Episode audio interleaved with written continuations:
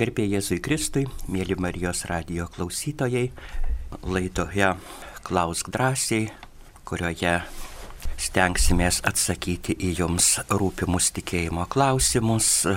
Dalyvauja kunigas Algirdas Paliokas ir aš, kunigas Robertas Grigas. Jau esame gavę SMS žinutę, kurioje Marijos radio klausytojas domisi, sakydamas, kad niekada nebejojo amžinybė nei kita tikėjimo tiesa, bet kaip suprasti švenčiausio sakramento paslaptį, kodėl neduota jokio ženklo tik tyla. Todėl klausytojas rašo man sunkiai suprantama adoracija, ar viešpats liko tik kaip duona. Ką galime atsakyti į tokį klausimą, kunigė Alkirdai?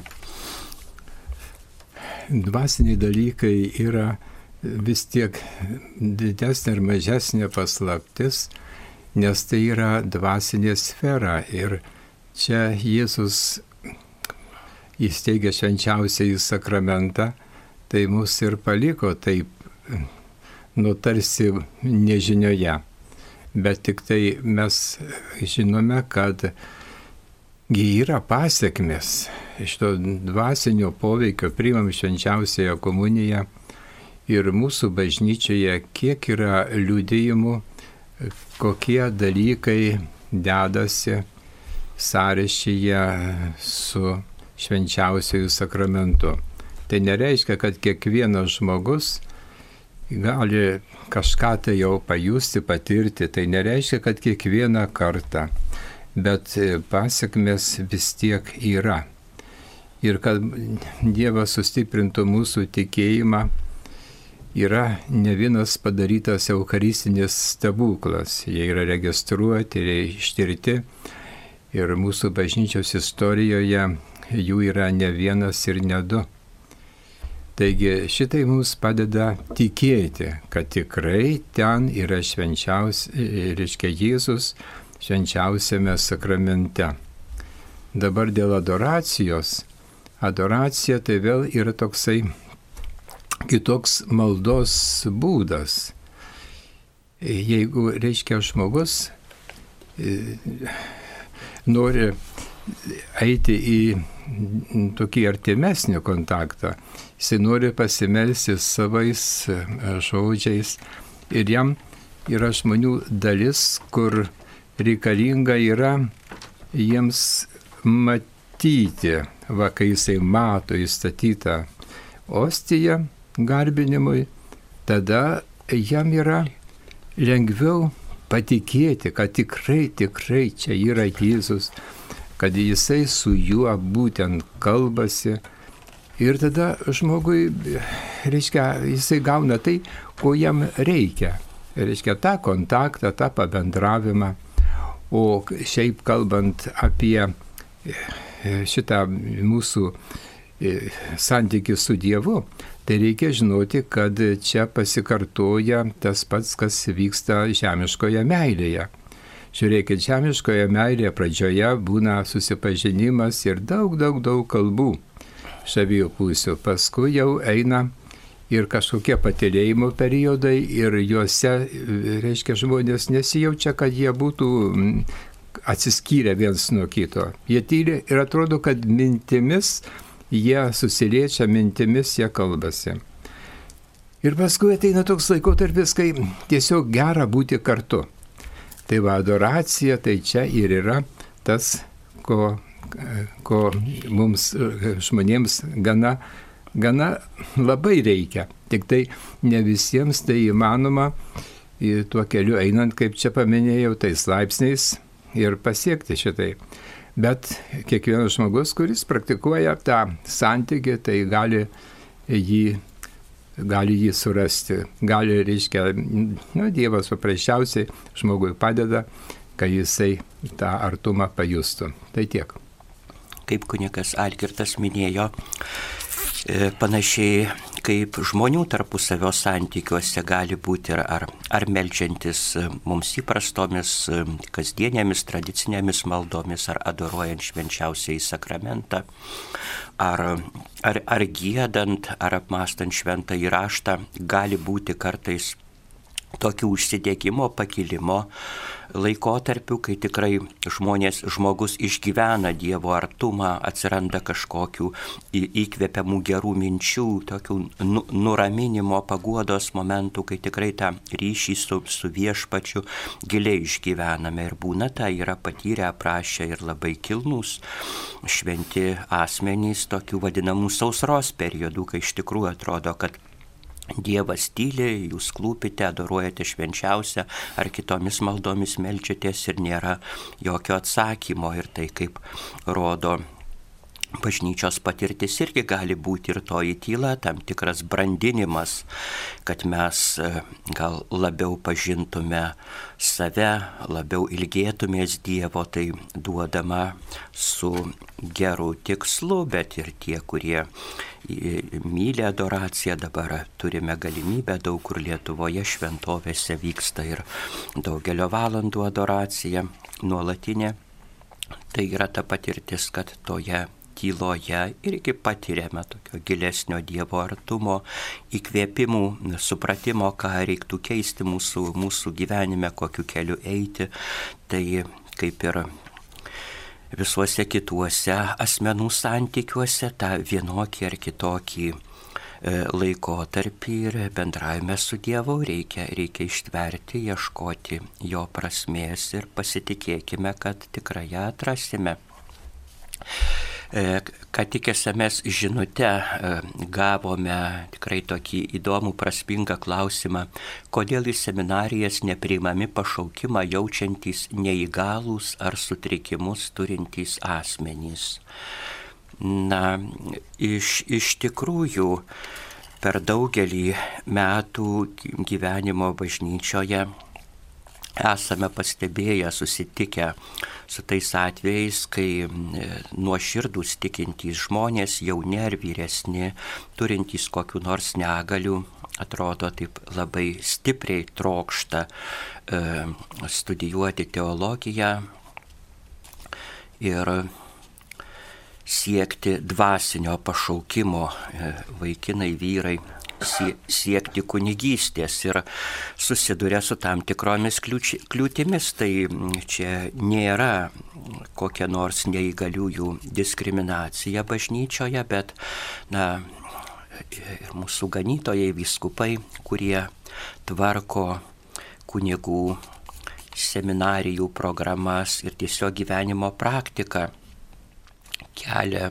savus uždavinius. Mes žinome, kad kunigiška tarnystė, tas rūpestis daugeliu žmonių, gilinimasis į dvasinius e, e, kitų žmonių rūpeščius iš tikrųjų reikalauja nemažai jėgų ir, ir, ir fizinės veikatos, ir ypač dvasinės veikatos, sakytume, tam tikro psichinio stabilumo, nes, na, aišku, Dievas daro stebuklus, bet kaip moko bažnyčia, remdamasis prigimtimi. Malonė teikiama remiantis prigimtimi, tai jeigu e, žmogus yra pašauktas su Dievo pagalba spręsti daugelio kitų bendruomenės narių sunkes problemas, o pats tos veikatos neturės arba, arba palūš kažkaip dvasiškai, tai, na, nepatalkins, nepadės ir kitiems žmonėms ir savo gali pakengti. Tai va čia su ta mintimi daroma tokia, na, atidi atranka Dabar, kiek žinau, priimant į kunigų seminarijas yra kviečiami ir psichologai, kandidatai atlieka tam tikrus testus, kad būtų aiški jų visokiojopa ir fizinė ir dvasinė sveikata. Nors esu, esame susidūrę, kad kartais, kai tas pašaukimas ar žmogaus, nepaisant jo ribotumų, jo trūkumų, tinkamumas kunigystėj yra labai akivaizdus, tai man atrodo kartais, kartais daromos išimtys ir iš bažnyčios istorijos, tai žinome, kai šventimai suteikiami ir žmogus pakviečiamas į kunigišką tarnystę, net ir turėdamas tam tikrų ar fizinių, ar, ten dvasinių ypatumų. Tai dar noriu pridėti štai ką, vis tiek kaip ten bebūtų, kunigystėje yra siekiama ne tik tai tarnauti žmonėms, bet ir siekiama asmens dvasinio brandos. Ir va reiškia toksai žmogus, kuris negali įstoti į kunigų seminariją, jisai tai, tai gali vykdyti, nu, taip sakant, visai laisvai. Ir mes žinome, kad yra didžioji dalis šventųjų, kurie nebuvo kunigais, jie yra paskelbti, pasauliečiai, dirbo didžiulės vagas arimuose, varė ir, ir reiškia, paliko pasiekmes, ar vienuolijas įsteigtas, ar dar ką nors. Reiškia, tenai žmogus gali darbuotis į visas pusės, kiek tik nori. Ir išoriai reiškia veikloj, bažnytiniai veikloj, pasaulyčio veikloj ir svarbiausia dvasinėme gyvenime augdami, bręsdami ir į tą tobulą to, brandos saiką. Tiek. E, gavome tiesioginį telefoninį skambutį, prašom, e, išsakykit savo klausimą. Paskambino Angelika iš Tytuvėnų. Klausome jūsų, Angelika. Per amžius garbė. E, žinokit, tikrai iš pat jaunystės jaučiu didelę pagarbą kunigams ir vienuoliams. Ypatingai gerbiu kunigą Robertą Grėgą už jo, už jo tokią laikyseną bažnyčios ir politikos atžvilgių. Labai, labai jam dėkoju. Dabar gerbimi kunigai, aš noriu jūsų paklausti vieno klausimo. Nu, žinokit, jau nebegaliu klausytis, jau kiek daug kartų per Marijos radiją kiti kunigai sakė, kad uh, dangus yra ne vieta, o būsena, pragaras yra ne vieta, o būsena. Ir net pabrėžia, kad ne vieta, o būsena. Mėly kunigėliai, nu taigi vien tik tai Kristus yra pasakęs apaštalams, einu jums vietos paruošti, nepasakė būsenos paruošti, tikrai yra parašyta, einu jums vietos paruošti ir kai nuėjęs paruošiu jums vietą, tenai jūs pas save nusivesiu. Mes savo tikėjimo išpažinime išpažįstam, numiręs ir palaidotas, nužengė į pragarus trečią dieną kėlėsi į numirusių, įžengė į dangų, netapo kažkokios būsenos, bet būtent nužengė į pragarus.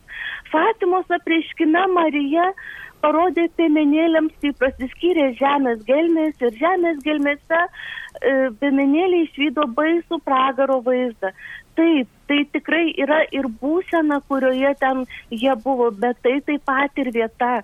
Taip kad, žinokit, jau nebeįmanoma klausytis, kai jauni kunigėliai sako, kad dangus tikrai ne vieta, o tik tai būsena, o pragaras irgi ne vieta, o būsena. Tai prašau, gerbiami kunigėliai, pasitaisykit ir neklaidinkit mūsų. Gerbiama Angelika, jūs jau čia taip išstojate ne kaip klausinti, o kaip mokytoja. Nu, tie dalykai, vieta, būsena iš tikrųjų yra mūsų ribotais e, žmogiškos kalbos žodžiais išreiškiami dalykai. Mes nelabai galime žmonių kalba išreikšti e, to, to dvasinio pasaulio dalykų, bet kitų priemonių neturim, tai ir šventas raštas, ir mūsų viešpats Jėzus Kristus, ir šventieji, kurie turėjo prieiškimus, bandė kažkaip tą mūsų žmonių kalba išsakyti tai, ką jie, ką jie pajuto, kas svarbu mūsų, mūsų tikėjimui. Tai ar, ar vieta, ar būsena, viena aišku, mes tą žinome iš apreiškimo, iš švento rašto, kad tas nemedžiaginis naujas pasaulis, kur kaip, į kurį kaip tikime Dievas mus veda, atnau, ta atnaujintoji žmonija ir atnaujintas pasaulis yra kitoks nei, nei mums pažįstama dabartinė tikrovė. Vargu ar galima tokiam geografiniam vietos, e, vietos savokom nusakyti ir, ir dangų, ir skaistyklą, ir pragarą, kad kaip, kaip mes žemėlapyje žemėje rodome štai tas miestas ar šalis yra ten, o tas ten. Tai čia yra jau visai, visai kita tikrovė, kaip, kaip šventame rašte sakoma, kad nei akis neregėjo, nei ausis negirdėjo, nei į žmogaus širdį neįėjo tai, ką Dievas paruošė tiems kurie jį myli. Tai tos mums prieinamos, pažįstamos nu, tikrovės, nu, sakiniais ar ar apibrėžimais mes negalime visiškai taip na, tvirtai nusakyti dvasinio gyvenimo dalykų. Net ir šventieji, kurie turėjo tokius gal gilesnius tų dalykų apreiškimus, dažnai, dažnai pritrūkdavo žodžių, sakydavo, kad jie tik tai na, labai apytikriai gali nusakyti tai, ką, ką patyrė, ką išgyveno Dievo valia. Tiesiog na, tikėjimu priimame, turime priimti tai, kad Dievas jį mylintiems yra, yra, yra parengęs didelį gėrį, didelę gyvenimo pilnatvę ir kad yra tas pavojus Dievo rankos nesilaikant nuo jo atitulti, atitolti kažkokią kančios, vienišumo, destrukcijos būseną, dėl kurios, dėl kurios ir Kristaus auka, ir Dievo meilė atėjo mūsų gelbėti, mūsų kviesti į, į didesnę vienybę su, su Dievu. Kaip tą, kaip tą bandytume išreikšti ar, ar pavadinti, gal kunigė Algirdai dar norit papildyti. Turbūt noriu pridurti dar tai, kad mes esame materialios būtybės, gyvenam materialiame pasaulyje. Ir mes negalime suvokti dvasinio pasaulio ir jo tvarkos. Ar ten yra, reiškia, vieta, ar būsena, ar, ar ir tai, ir tai, ar tik tai būsena. Mes, mes niekaip negalim tų dalykų žinoti ir įspręsti materialiame pasaulyje. Jeigu taip filosofiškai kalbant, plokštuminės būtybės, kurios neturi trečios dimensijos, jos tik tai gali orientuotis toj plokštumoje, dviejose dimensijose, apie, apie trečią jos nieko nežino. Tai čia irgi labai panašu. Todėl ne tai svarbiausia, kaip ten viskas yra, bet svarbiausia e, tai, ką tikėjimas mums sako ir dabar kaip jūs galvojate asmeniškai, tai yra viskas gerai. Na, o dabar bažnyčioje, kaip yra kalbama, vėl yra gerai nu, mes negalime, e, reiškia, čia nėra tokio kriterijos, pagal kurį būtų galim nuspręsti. Yra taip ir nėra kitaip. Kad būtinai va tik šitaip. Yra kalbama, kaip atrodo, kaip mūsų e, tikėjimas e, rodo, tai tik tai tiek ir sakom apie kitą pasaulį, labai mažai. Na, bet to mūsų tikėjimui yra, yra reiškia, amžinybės pasiekimui mums pilnai, pilnai to užtenka. Taip, e, gavome dar vieną e, telefono skambutį, prašom, kalbėkite. Paskambino Antanas iš druskininkų. Garbėjus Kristui. Per amžius amen.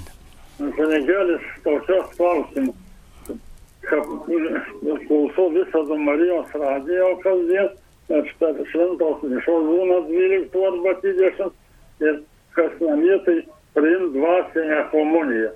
Tai vienu kart būna, kad pasako kunigėtki kas nors patarnau, o kitų kur ne, tai aš yra maldinėlį radau ir aš perskaitau tų maldų į dvasinės komunijos ir už kokių minų, kelių minučių pradeda pa, nu, pasakyti tos pakartotinai, aš būnu perskaityti per, ar čia nenusidedu, kad aš paskiau, kad tas kunigėlis ar kas pasako, tai aš ta, irgi kartoju, tai išeina du kartą, tarkam, nieko. Labai gerai, kad stengiatės klausydama šventų mišių per Marijos radiją ar ten per televiziją dabar galima tiesiogiai su, su vaizdu pamatyti kai kuriuose laidose. Tai gerai, kad priima dvasinę komuniją. Labai, labai ne Nesupykit, jeigu kartais kunigai pamiršta, jie irgi žmonės tose tiesioginėse transliacijose priminti, bet net ir nepasakius galima, kai negalim tiesiogiai viešpaties va, tuo realiu būdu lūpomis priimti švenčiausio sakramento, tai stenkitės į savo dvasę, į savo širdį įkviesti ar tą maldą, kur yra maldynuose, ar gal ir savo mintimis, savo, savo žodžiais, su tokiu troškimu, kad viešpatie ateik aplankyk, pasilik mano sieloje Ir tikrai Dievas priims, manau, kad jeigu jau esat taip nuoširdžiai susikaupęs e, savo troškimų prieėmęs dvasinę komuniją, tai nereiktų antrą kartą kartoti tikrai. Tikrai mūsų viešpats tų tokių nu, formalių dalykų taip labai nežiūri. Mato, kad jūs stengiatės kuo nuoširdžiausiai dalyvauti, kad ir tuo nuotoliniu būdu šventose mišiose ir manau tikrai viešpats jūs aplanko ir, ir, ir pasilieka jūsų sieloje. Atėjo žinute toksai iš dalies geografinis istorinis klausimas. Šiaurės Amerikos vakarinėje dalyje yra miestas San Franciskas. Gal pavadinimas lietuviškai būtų Šventas Pranciškus. Iš tikrųjų taip, toje Junktinių Amerikos valstijų e, dalyje e, labiau į vakarus yra labai daug tokiais katalikiškais, krikščioniškais vardais miestų ir kas dabar daug kas ir, ir giminių turi, ir patys aplanko e, jungtinės valstijas, yra ir miestas Sakramento, Santa Fe, vienos šventosios vardu, ir tie, tas pats Los Andželės angelų miestas, tai yra katalikiškojo e, Ispanijos laikotarpio Šiaurės Amerikoje palikimą žinome, kad ispanai tokia tradiciškai labai stipriai tikinti tauta, kurioje katalikybė giliai įsišaknyjusi ilgą laiką. Tuos didelius Šiaurės Amerikos plotus valdė ir tiek pat valstijose, tiek ir Meksikoje, daugeliu miestų iš pamaldumo, iš savo tikėjimo suteikė na, tų labai svarbių katalikams, krikščionims ar e, dvasinių dalykų, ar, ar šventųjų, ar tikėjimo paslapčių pavadinimus, kas irgi turbūt, na, yra gal toks ne, ne pirmailis dalykas, svarbiausia turbūt ir tų miestų, ir mūsų visų tas praktiškas tikėjimas, gyvenimas pagal tikėjimą, bet vis tiek yra tam tikras e, tikėjimo, krikščioniškumo liūdėjimas ir, ir viešumoje.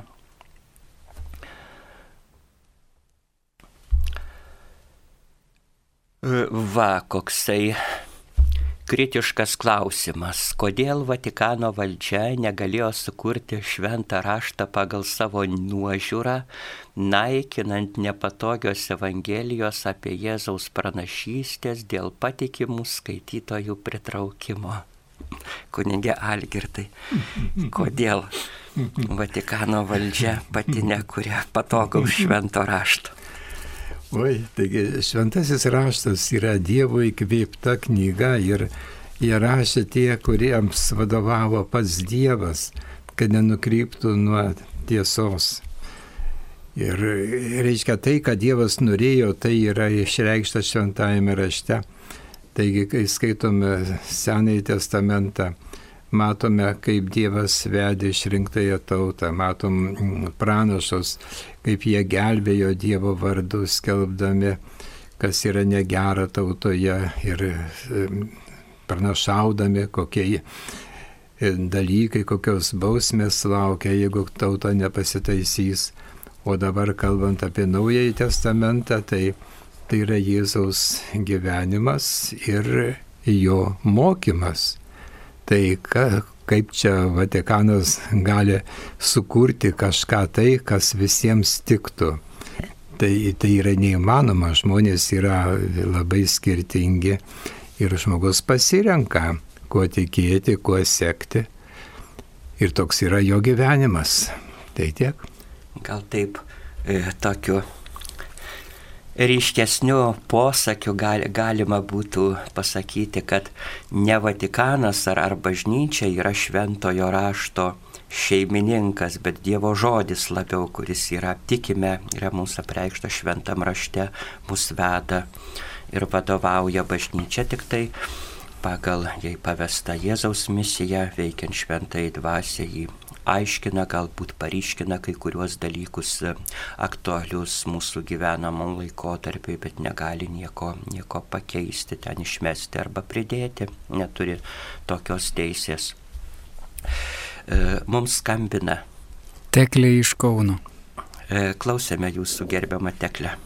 Kviečiame Garbė kalbėti. Jėzui Kristui. Per amžius garbė. Noriu paklausti, e, noriu įsiterpti dėl e, šitos būsenos, apie kurią prieš porą e, klausimų kalbėjote.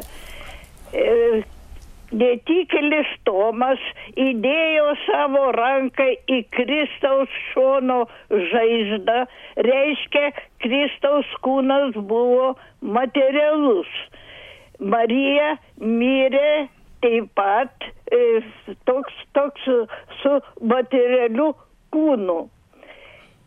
O jų, jie yra paimti į dangų. Materialūs žmonės, mat, reiškia, danguje yra materija. Tai kaip ta materija jaučiasi būsenoj? Kas tai yra m- materija būsenoje? O čia ir neaišku. Mes tuo tikime, kad e, būsime taip pat su kūnais. Ir, bet galbūt nebūtinai mums, kaip būsime, tai jau čia viešpatės Dievo reikalas.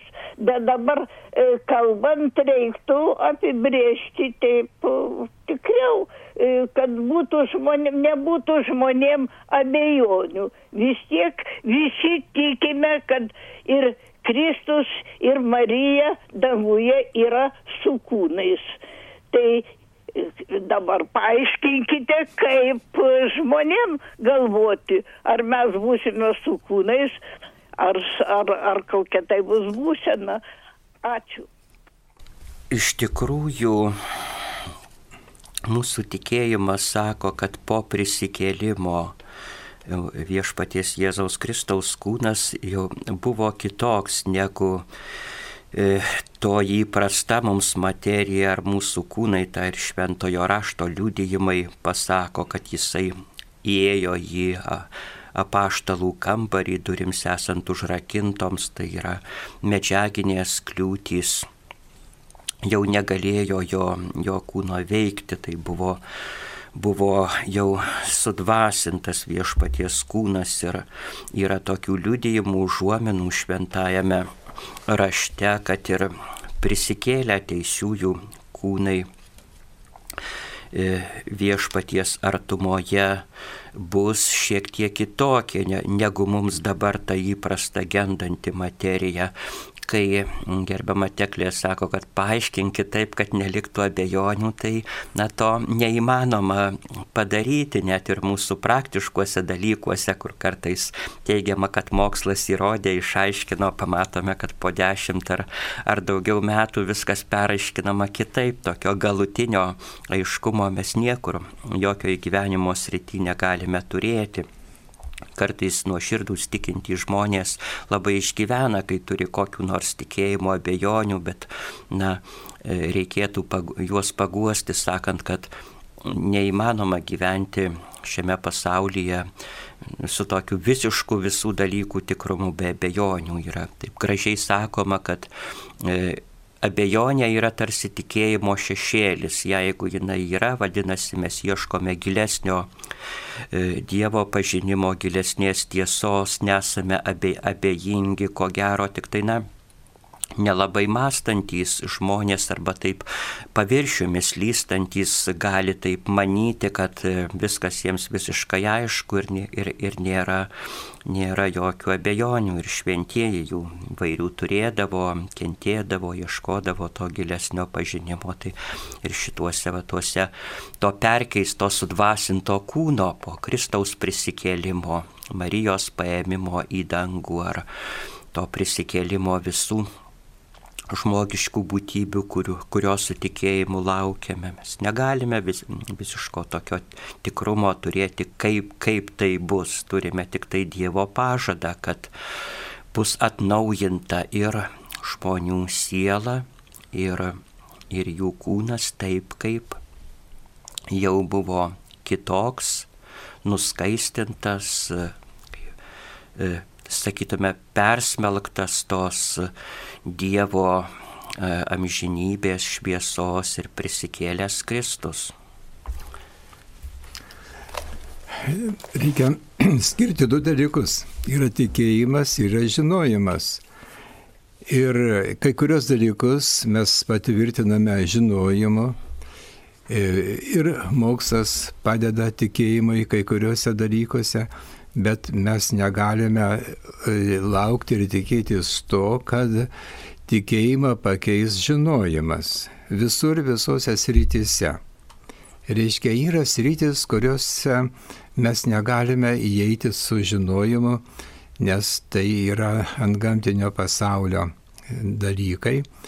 Ir va todėl mums reikia prisiminti Kristaus pasakymą šventam Tomui palaiminti, kurie tiki nematę. Tai mes esam šitie, kurie tikim nematę. Ir mes gaunam šitą palaiminimą už neužžinojimą, bet už tikėjimą. Taigi būkite ramybėje, tikėdami ir taip tikrai pasieksim amžinybę. Žinote, pasiekė mūsų aktualus šiems laikams klausimas, ar nesusituokę bažnyčioje laikomi krikščioniška šeima ar partneriai. Klausė Beta. Na, krikščioniška šeima tikrąją to žodžio prasme yra laikomi vyras ir moteris pasirengę ir prieėmę santoko sakramentą, tai yra bažnyčios palikta Kristaus žodžiais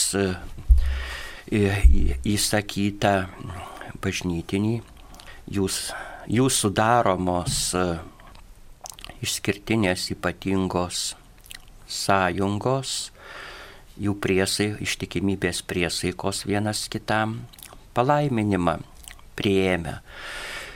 Aišku, nenorime, nenorime tuo kažkaip nurašyti ar menkinti žmonių, kurie dėl įvairiausių priežasčių, ar kartais ten gilesnio tikėjimo pažinimo neturėdami, ar dėl, dėl savo silpnybės e, gyvena kaip vyras ir žmona be bažnyčios palaiminimo, be santokos sakramento.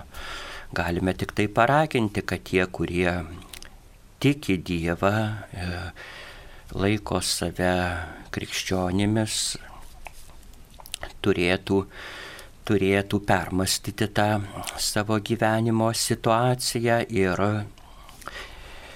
renktis krikščioniškai santoką, jeigu jie vis tiek gyvena kartu, yra, lai, yra vienas kitam brangus, galvoja ne apie kažkokį laikiną nuotykį, bet apie tokį ilgalaikį e, ryšį, tai Iš tikrųjų, reiktų susitikti su savo parapijos e, kunigu ar pasitarti su nuoširdžiais tikinčiai žmonėm, kokie, kokie yra keliai sudaryti santuoką ir, ir to, to nuoširdžiai siekti. Ir dar štai kaip, jeigu žmonės gyvena reiškia tie, kurie yra laisvi, kurie neturi ryšio, ne, ne, ne antrą santoką, bet pirmą ir gali susituokti ir nesituokia. Reiškia, yra, nu, tikėjime, tam tikros tikėjimų žemėlapį yra daug baltų dėmių ir tada žmogus, kai, kai ką žino, bet nežino visumos, mūsų tikėjimo, tai tada taip ir apsisprendžia gyventi va taip e, partnerystėje. E, na tai, o dabar, jeigu žiūrint dar į kitą variantą, kaip reiškia jau yra antra santoka, tai dabar ar tai krikščioniška, nekrikščioniška, tai ta, ta, ta terminą taikyti nu, yra neaišku, kaip galima, kaip negalima, bet vienas dalykas reikia galvoti apie tai, priklauso bažnyčiai žmogų, tokie žmonės ar nepriklauso. Na, reiškia, jie negali į sakramento, nu, reiškia, yra nusidėjėliai, nu, bet visi žmonės nusidėjėliai yra, jie tik tai tam laikui, kai negali imti santokos sakramento, tai yra tokie nusidėjėliai, bet nereiškia, kad tai jau yra pasmerkimas, jeigu jie yra bažnyčioje. Jeigu yra bažnyčioje, reiškia, klauso mišes, dalyvauja sekmadienio liturgiją, tai reiškia ir, ir meldžiasi, tai tada Dievas randa išeitį. Pas Dievą yra išeičių ne vienas variantas, kaip žmonės galvotų, kažkokią išeitį Dievas visada suras. Svarbiausias dalykas yra, kad žmogus nebūtų amžinai pasmerktas. Ir tada, reiškia, koks paskutinis atvejas, tai reikia žinoti, kad e, prieš e, mirtį vis kiekvienas kunigas gali duoti išrišimą ir viską, ir išleidžia pasaulį nuteisint, į kitą pasaulį nuteisintą. Čia nėra tragedijos, bet tik tiek, kad sakramentų tokia pora negali eiti, kol tasai ryšys, kurie jie yra tame ryšyje, bet svarbiausias dalykas - mūsų išganimas, o čia žemėje vienaip arba kitaip tas gyvenimas praeina. O tiems, kurie yra laisvi ir nesusituokę bažnyčioje, tai reikia priminti ir tai, kad kai žmogus yra su Dievu, tada jisai negali abejoti meilę, nes jie dažniausiai nėra tikri dėl Mm, būsimo gyvenimo, ar jie ištvers ar neištvers. Ir tada nedrįsta imti santokos sakramento. O Dievas, kai su juo laikai ryšį, tai papildo meilę.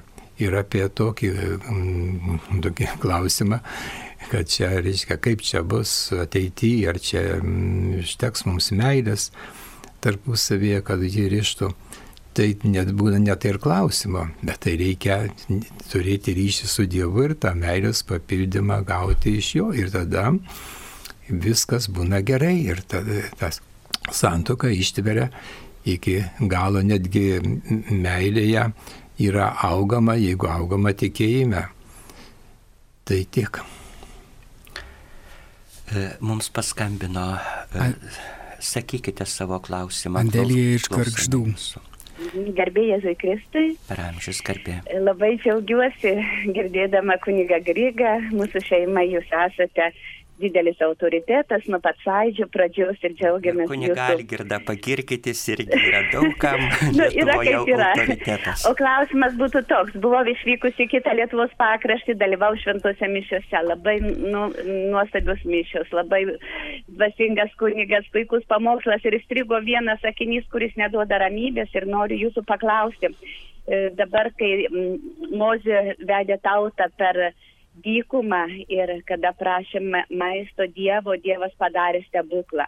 Atsiuntė putpelių, o paskui krito mana iš dangaus ir maitino tautą. Ir ar yra toks aiškumas, kaip ten išgirdau per pamokslą, kad tai valgomos paukščių išmatos. Nu, man tai įnešė tokį samišį dėl to, kad nu, ar ne per dažnai mes norime Dievo stebuklus paaiškinti žmogiškų protų, žmogiškų išmąstymų ar yra toks kur nors, nes aš tai pirmą kartą išgirdau ir va tą, tą tokį samišį ir noriu jūsų paklausti su nuomonės. Nesu girdėjęs tokio aiškinimo, kiek žinau, tas toks, na, tradicinis dabar jau ir mokslo tyrimais pagristas aiškinimas, tai ten tam tikri augalinės kilmės grūdeliai, kartais jų ten užneša vėjas į tuos kraštus. Tikime, kad dėl Dievo rūpeščio išrinktąją tautą savo alkstančiai žmonėmis Dievas juk panaudoja ir, ir gamtą, ir gamtos dėsnius tam, kad galėtų padėti savo žmonėms, kad tai kaip ten, ten gana taip dalykiškai rašoma toje švento rašto vietoje, kad rytoj auštant iš, iš dangaus krito grūdeliai, kurie nugulė izraelitų palapinių apylinkės tarsi šerkšnas ant žemės. Tai va tas kaip ten nuo to žydų klausimo manhu, kas tai yra. Ta mana laikoma, kad yra augalinės kilmės tokios sėklelės grūdeliai, kuriuos jie galėjo valgyti ir tomis dykumos sąlygomis pasimaitinti. Ir, ir dar reikia priminti, yra parašyta, kad kai šabas, žinot, ne, tokia diena, kai nieko negalima veikti, tai tų grūdelių, kai prisirinkdavo prieš jį, tai užtekdavo jų dviems dienoms. Šiaip normaliai tai užtekdavo tik tai vienai dienai, o, o tada šabai tai taip. Tai šitas m, faktas rodo, kad šitame maitinime dalyvaudavo Dievas ir kad užtekdavo kas ir mažiau prisirinkdavo, vis tiek užtekdavo maistui. Reiškia, čia buvo jau toksai tiesioginis Dievo įsikišimas. Esame žinute tokį nelengvą klausimą gavome, jeigu žmogus perėjo iš krikščionybės į hinduizmą, įtikėjo reinkarnaciją, skaito vedų šventuosius raštus, argi čia nuodėmė ateistugi netapo. Hmm, tie tikėjimo klausimai turbūt yra tokie, na, subtiliausi žmogaus, žmogaus gyvenime ir kas ten Dievo akivaizdo yra nuodėmė ar ne.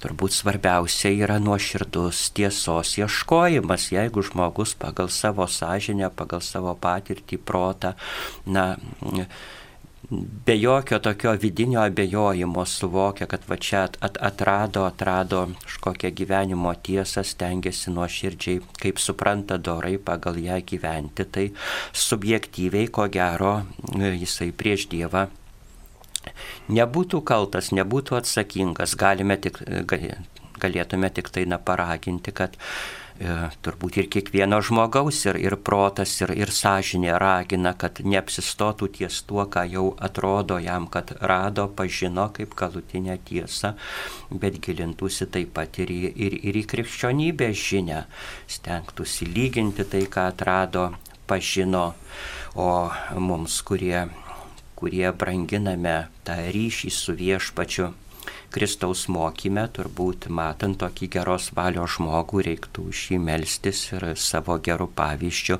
na, be kažkokio tokio spaudimo ar užsipuolimo, bet jam parodyti, atskleisti geriausias Kristaus mokymo pusės, kad jisai galėtų galbūt na, at, atpažinti, atpažinti tiesą, gėrį giliau ir, ir nepaliauti ieškoti Dievo artumo.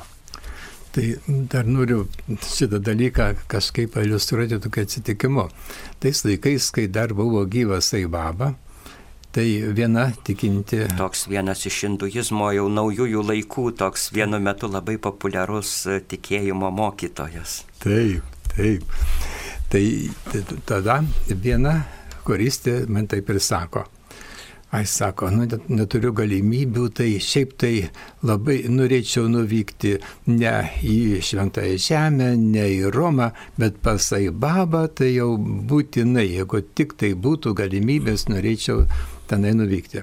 Tai sakau, tai ar jau tai trūksta kokiu tai išvalgų, žinių ar dar ko nors.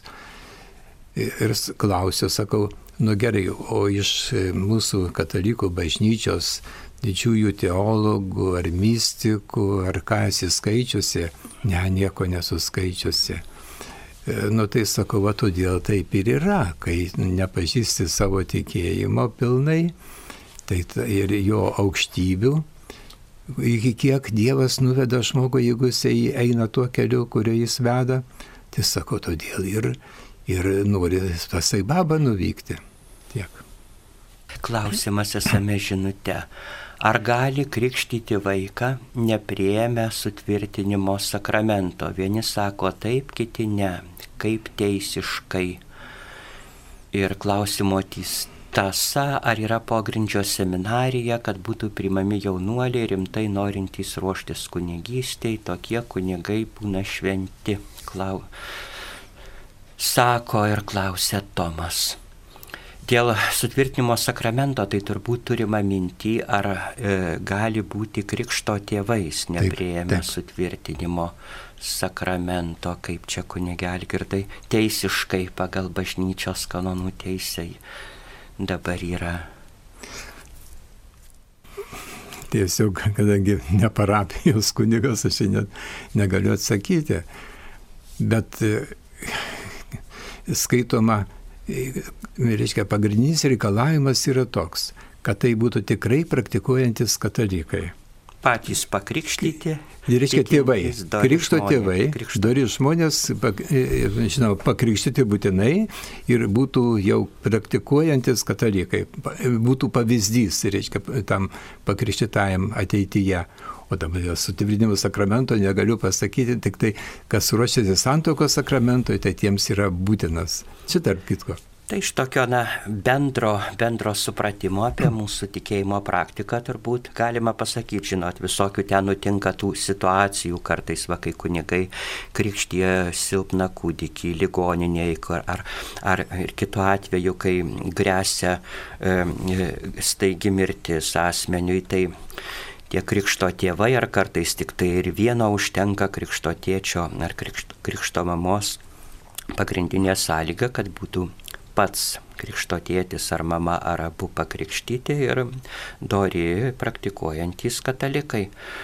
Ir tada O ga, gali būti, kad kai kur uolesni kunigai šito irgi na, reikalauja ar, ar patarė, kad būtų krikšto tėvai priemi ir sutvirtinimo sakramentą, nes tas, na, vis tiek jau liudytų jų pačių tokį e, rimtesnį požiūrį į tikėjimą, tikime, kad per sutvirtinimo sakramentą gaunama šventosios dvasios dovanų, taigi jie galėtų, būdami patys tvirtesni, tikėjimo gyvenime daugiau dvasinės naudos paramos suteikti ir tam pakrikštytajam, kuriuo būdami, tapdami krikšto tėvais, įgyja pareigą rūpintis kartu su, su paties vaikelio biologiniais tėvais. Dėl pogrindžio seminarijos, tai čia daugelį šalių, to vadinamo sovietinio, komunistinio bloko šalyse, ypač kur bažnyčia buvo įvairiai valdžios struktūrų spaudžiama, kontroliuojama, susikūrė tas reiškinys, kadangi tas kai kur veikusias legaliai viešai kunikų seminarijas būdavo sunku patekti dėl valdžios visokių, visokių tenai sietelių, kontrolių tikintiems jaunuoliams tai buvo sukurtos slaptos pogrindės struktūros, kur tikintys, siekiantys e, dvasinio e, pašaukimo kunigystės siekiantys jaunuoliai galėjo studijuoti ir gauti kunigystės šventimus ir pagal sąlygas ar slapta, ar, ar kai, kai kada atlaisvėjus sąlygoms ir viešai patarnauti tikinčių bendruomenėms. Tai e, Lietuvoje, nors aišku susidurėm su įvairiu priešiškumu tikėjimui, turbūt niekad jo, jo, jo nebuvo jokiomis sąlygomis per mažai. Kaip viešpats Kristus ir ir išpranašavo, pažadėjo, kad visada būsite vienai par kitai persekiojami, bet van, tokių, tokių sąlygų, kad reikėtų jau pogrindyje ruošti kunigystėje ar, ar kitiems dvasiniams pašaukimams kol kas dar nėra tokio poreikio, dar gali veikti viešai, legaliai tos mūsų tikėjimo ugdymo struktūros.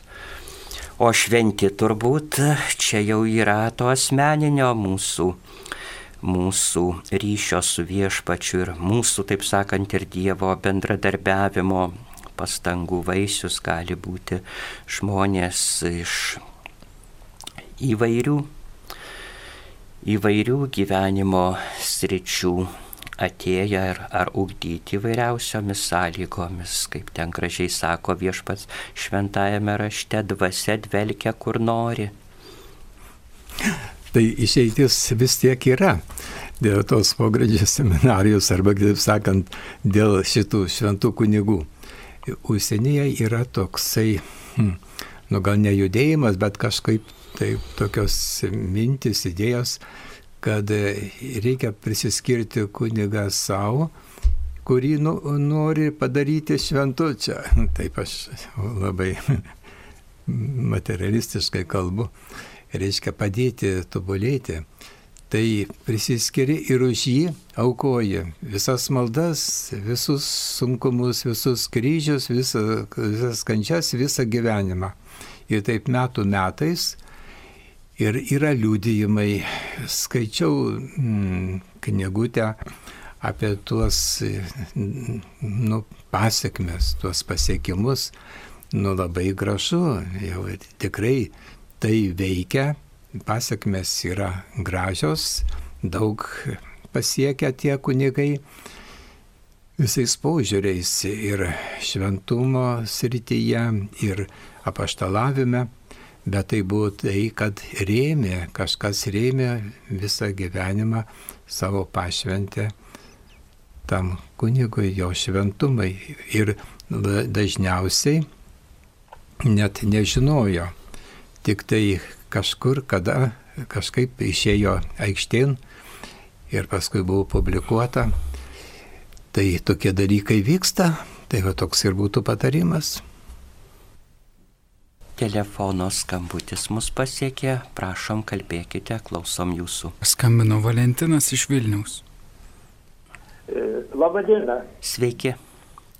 E, čia trukdo Valentinas iš Vilniaus. Norėčiau jūsų paklausti, bet katalikai krikščionys atseit tiki, kad po mirties jų siela atseit pateks ten į dangų, į pragarą, į rojų, atseit melžiasi, išpažįsta nuodėmės, atseit daro nuodėmės, išpažįsta, atseit ir, kaip sakant, nori patekti į dangų. O sakykit, prašom, kaip daleiskim, vot kiti, kiti, ten daleiskim, kinai, japonai, e, daleiskim, budistai, arba yra tautos dar gyvenančios Amazonėje, kurios iš vis dar net civilizacijos net nežino.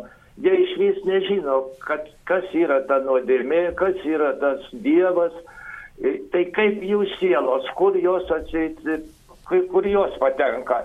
Nes daleiskim indai, tai jie laidoja atsit sudegindami, nes jie yra pasibaisėję, kaip gali žmogų užkasti į žemę, atsit, kada ten sukirmyje, ten puola kirminai, atsit turi būti skaisti ta siela, bet jie atsit pagal indus, tai jie suprantat, jie tiki persikūnymą ten į paukštį, į žvėrį, galų galę į karvę tą pačią, kurie vaikšto po miestą.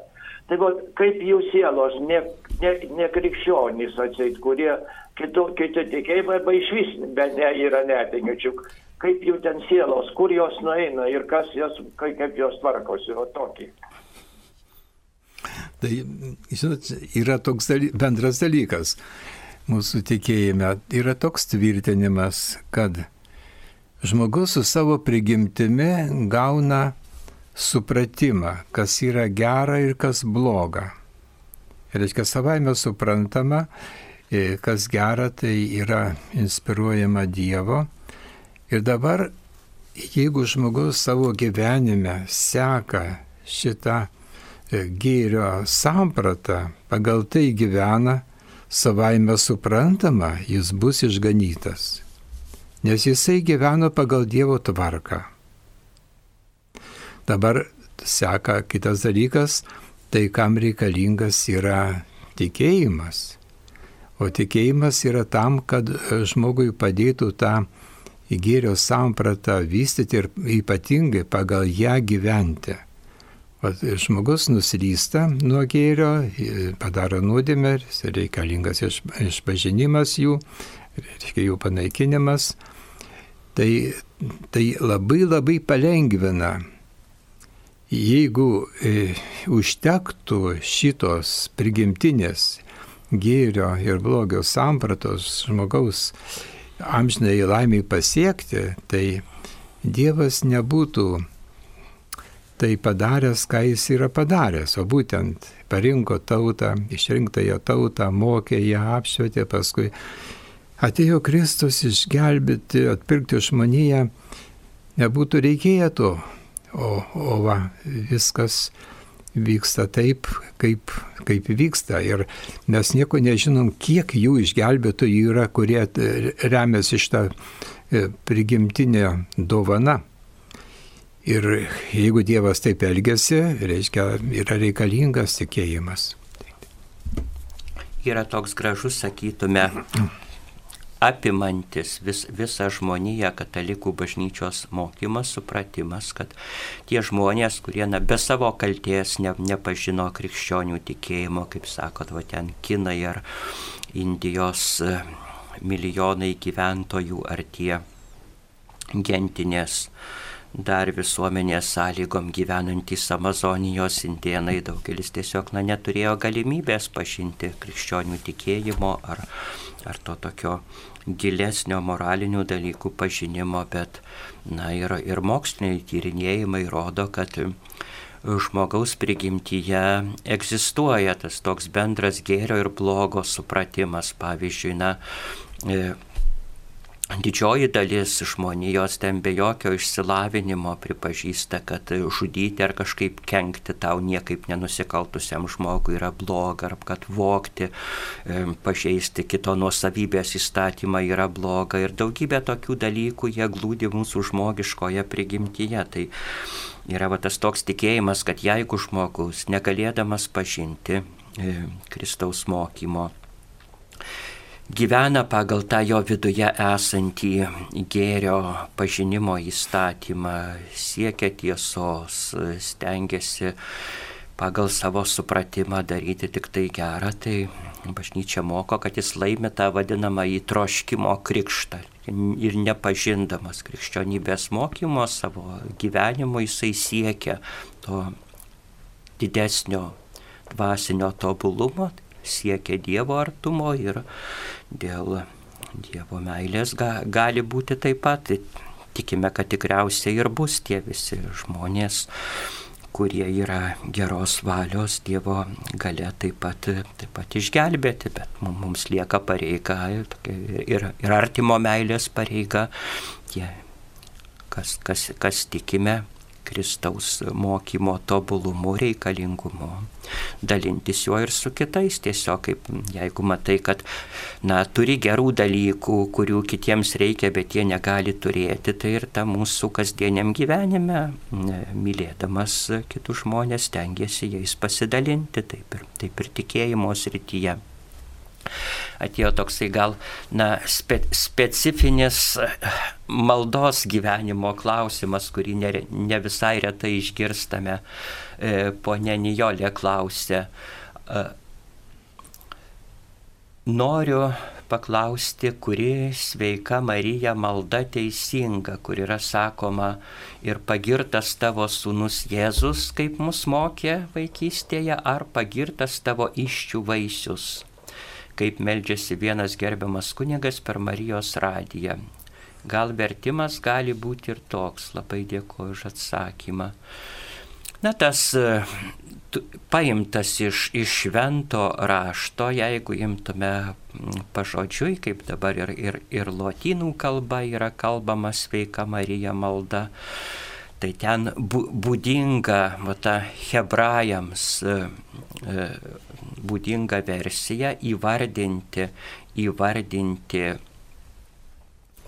neštumą žmogaus gimimą yra sakoma ir palaimintas ar pagirtas tavo iščių vaisius, nes na, tas e, turbūt, turbūt ir ir mūsų laikams galiojantis bendražmogiškas hebrajų požiūris į motinystę, į kūdikio nešiojimą motinos iščiose buvo labai vertinamas, e, buvo laikoma, jeigu skaitome raštą, kad tai yra garbė ir taip, na, sakytume, anatomiškai įvardyjama, minima, toks, toks ir to meto hebrajų kalbos kalbėjimo būdas buvo. E, šitas e, nau, naujesnė versija kurią, kurią katekizuojant jau turbūt kelios kartos Lietuvoje besirengiančių pirmai komunijai vaikų jaunuolių yra mokomi kalbėti pagirtas tavo sūnus Jėzus. Man atrodo, čia, kai, kai vyko va, ta antro Vatikano susirinkimo reforma, kai buvo ir lotyniški mišiolai, kitos liturginės knygos verčiamos į, į vietinės kalbas, na, buvo ta mintis, kad per vietinę kalbą galbūt labiau bus suprantamas, labiau priartintas prie žmonių Dievo žodis, šventas raštas. Ir, ir čia yra, yra racijos.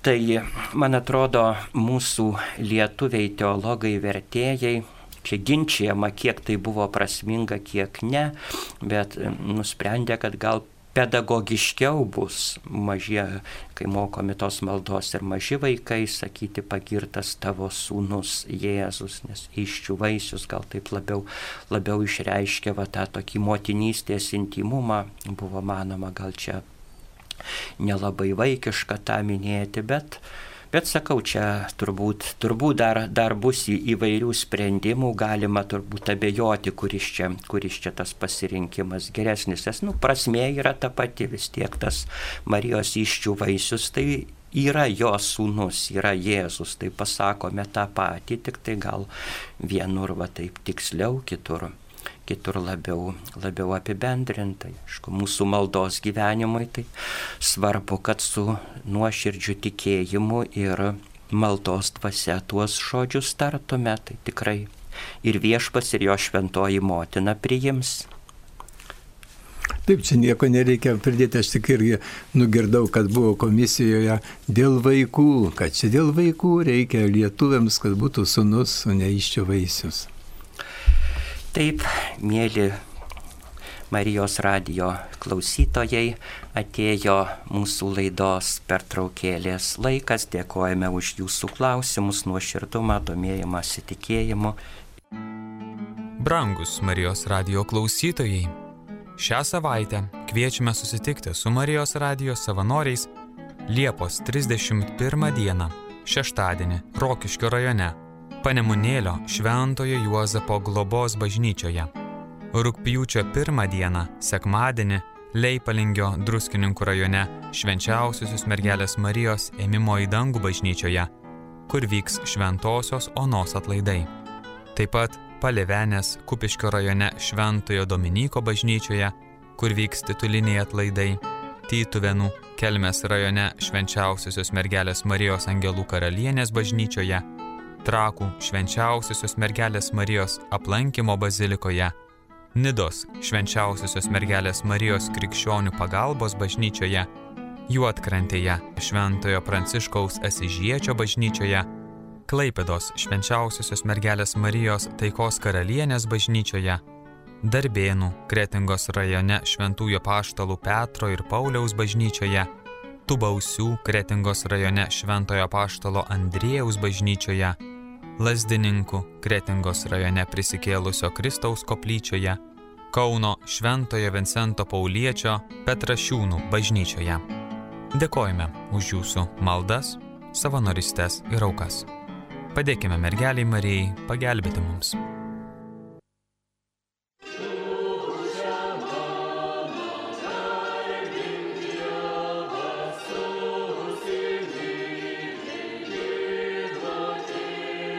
Brangi brolė į brangi sesis.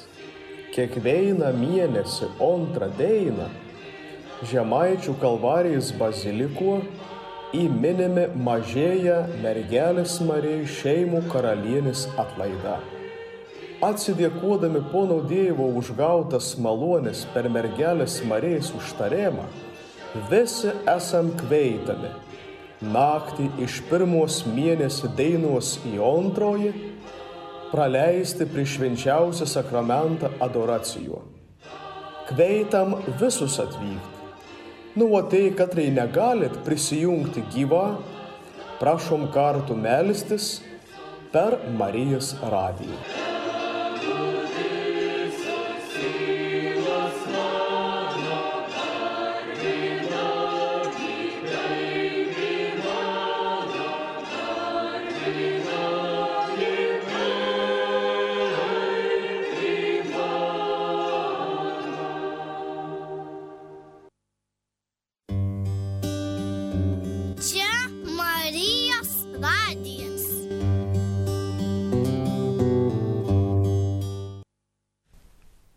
Jėzui Kristui, mėly klausytojai, jūs girdite Marijos radijo laidą Klausk drąsiai, kurioje jūsų klausimus atsakinėja kunigas Algirdas Paliokas ir aš kunigas Robertas Grigas.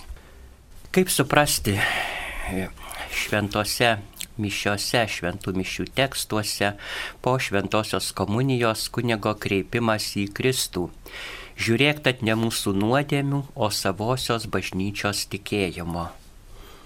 E, tiesą sakant, melsdamas iš šventose mišiose taip pat dažnai pamastau, ką, ką norime, ką bažnyčia nori, ką, ką mes norime tuo pasakyti. Na ir, ir mano mintis yra tokia, kad tai yra toks nuolankus kreipimasis į, į Dievą per Kristų, kad nepaisant mūsų žmogiško silpnumo, netobulumų, didesnių, mažesnių nuodėmių, kurių kiekvienas žmogus turi, mes prašome Dievą mus priimti, priimti komunijoje, priimti į savo bendrystę, ne, ne tik tai žvelgiant į tą mūsų žmogišką silpnumą, bet e, į visos bažnyčios nuopelnus. Pirmiausia, bažnyčios, kurioje yra ir pats Kristus. Mes tikime, kad Kristus tuos paslaptingų dvasinių būdų yra bažnyčios tikinčių bendruomenės galva, kuris ją visą maitina, ją pašventina,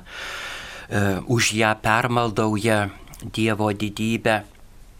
Ir taip pat na, ateina melžiantis tokia mintis, kad tas prašymas žiūrėti ne mūsų nuodėmių, o bažnyčios tikėjimo, tai yra tas Dievo įkvėptas bažnyčiai tikėjimas, kad nepaisant visko, nepaisant pasaulio žaistų ir nuodėmių, Dievas įkvepia bažnyčiai tą tikėjimą, kad jis yra meilė ir gailestingumas ir kad jo meilė ir gailestingumas pagal tą bažnyčios tikėjimą viršyje visą žmonijos ar pasaulio blogį. Tai yra tokiu būdu išreiškiam viltį, kad, kad Dievo gailestingumas gali visą pataisyti ir išgelbėti, ką žmogus, ką žmogus besugadintų ir asmeniškai individualioj plotmėj.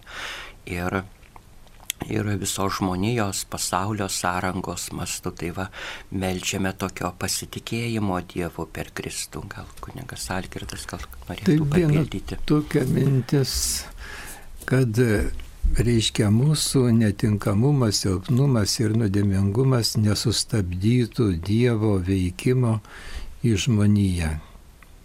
Tai tiek. Na va, irgi toks pra, praktiškas, bet gal irgi daugam įdomus klausimas. Bažnyčia atsiranda vyrų, kurie mišių metu nenusima kepurės.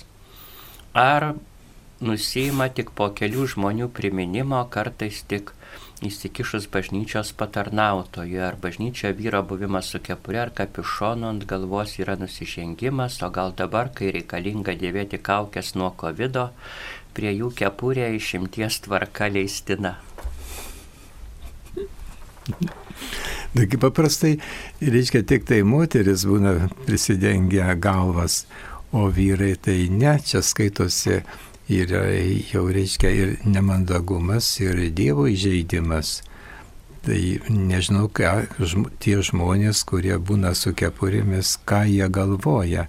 Ir jeigu reikia net ne vieno perspėjimo, Tai čia matyti jie jaučiasi, kad čia yra turbūt jo laisvės pažeidimas, jisai nori būti laisvas ir daryti, ką nori.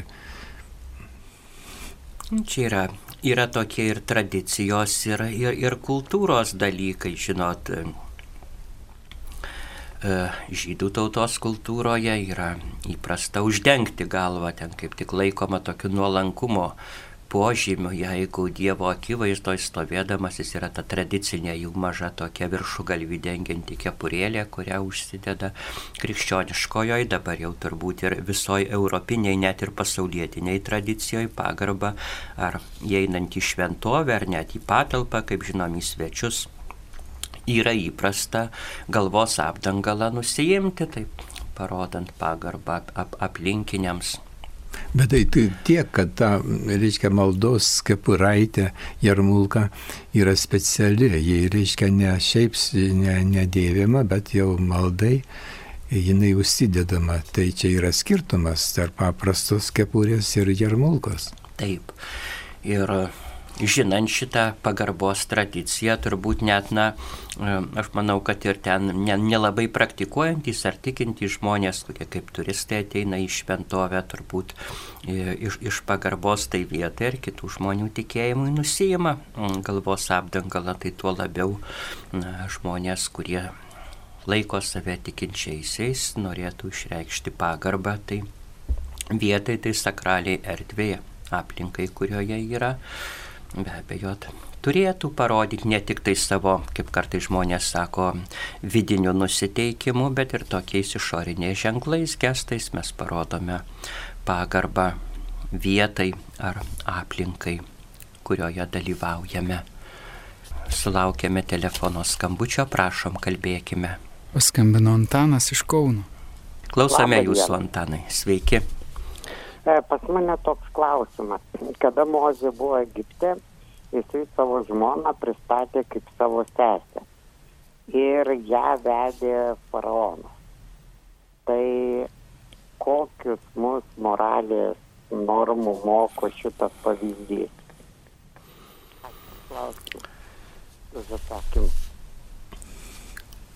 Kiek, kiek prisimenu, šventą įraštą, man atrodo, apie kitą Senojo testamento Abromą. veikėją, apie Abraomą. Yra, yra pasakojamas ten kit, kitam, ne, ne Egipto kontekste, bet kitos Izraelitų tremties kontekste, man atrodo, yra, yra pasakojama ta, ta istorija. Na, bet ko gero šitos detalės klausime nėra labai svarbios, yra, yra klausimas labiau apie, apie moralę. Ir, na, turime, turime pastebėti, kad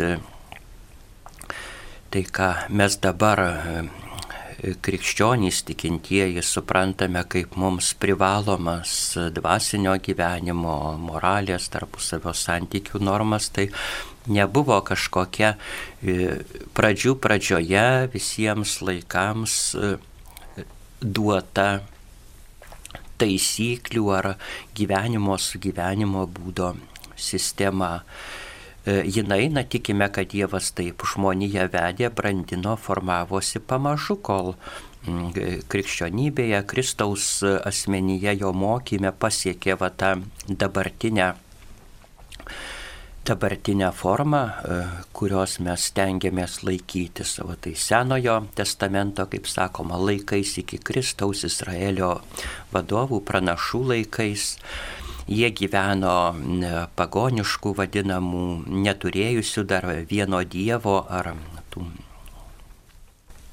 dabartinių požiūrių, suprantamų visiems moralės dėsnių supratimo ir dažnai va ta senovės hebrajų žydų aplinka sunkiai su tom aplinkinėm įtakom turėjo kovoti, kartais, kartais iškildama virš jų, kartais pasiduodama tiems vietiniams papročiams, kaip skaitome pranašų raštuose, dėl ko senovės žydai buvo ir peikiami, ir barami pranašų, kaip nukrypę nuo Dievo. Tai Tai buvo ilgas va, toks formavimosi kelias ir to meto Abraomo laikų žmonių supratimas apie tai, kas, kas leistina, kas, kas e, neleistina nebuvo tapatus tam mūsų dabartiniam nu, supratimui, nors va tie pradai, sakytume, daigai, želmenys tos e, bendrosios ir krikščionims bendros moralės, kas yra gera, teisinga, ko reikėtų vengti, jau, jau ir tuo met buvo.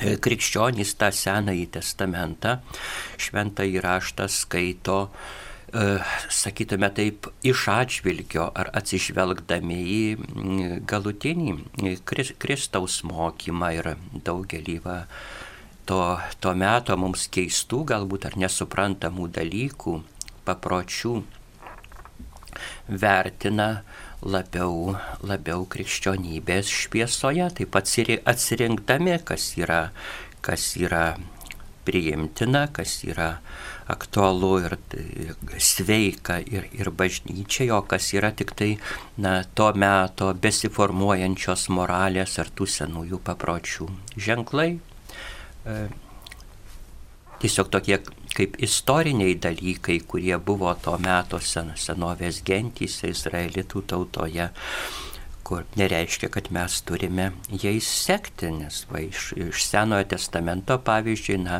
gana akivaizdžiai atrandame, kad tie senovės žydų karaliai praktikavo daug patystę, daug žmonų turėdavo vienas vyras to meto pasaulyje, tai tai buvo paplitęs reiškinys, kur nebuvo išvelgiama, kaip ir dabar, sakykime, islamo šalyse kažko blogo, bet krikščionybė iškeldama asmens vertę, vyro asmens, moters asmens vertę ir siedama va, tą santoką, santokinį gyvenimą, va taip dvasiniu būdu aiškindama, iškeldama kaip ir Kristaus ir jo žmonijos, jo bažnyčios santyki šito netoleruoja laiko, kad e, galbūt tai ir šio laikiniam pasauliu labai suprantamas dalykas, kad taip pat žvelgiant ir į vyro ir moters asmens lygybę, lygiai vertiškumą, kad santuoka turėtų būti vieno vyro su viena moterimi, o ne kažkaip tarsi nuvertinant vieną moterišką lytį. Tai turėtume, turėtume žvelgti, na, sakytume, krikščioniško tikėjimo akimis į tuos senųjų laikų papročius ir tikrovę. Tai dar noriu pridurti, kad reikia skirti du istorinius laikotarpius - netpirktąją žmoniją ir atpirktąją žmoniją. Ir netpirktoje žmonijoje buvo daugelis dalykų netokių, kaip kad po Kristaus, kai pats Dievas pamokė ir išaiškino per Evangeliją. Mes tenai randame visus Dievo įsakymus, kaip jie yra suprantami ir kaip juos reikia vykdyti.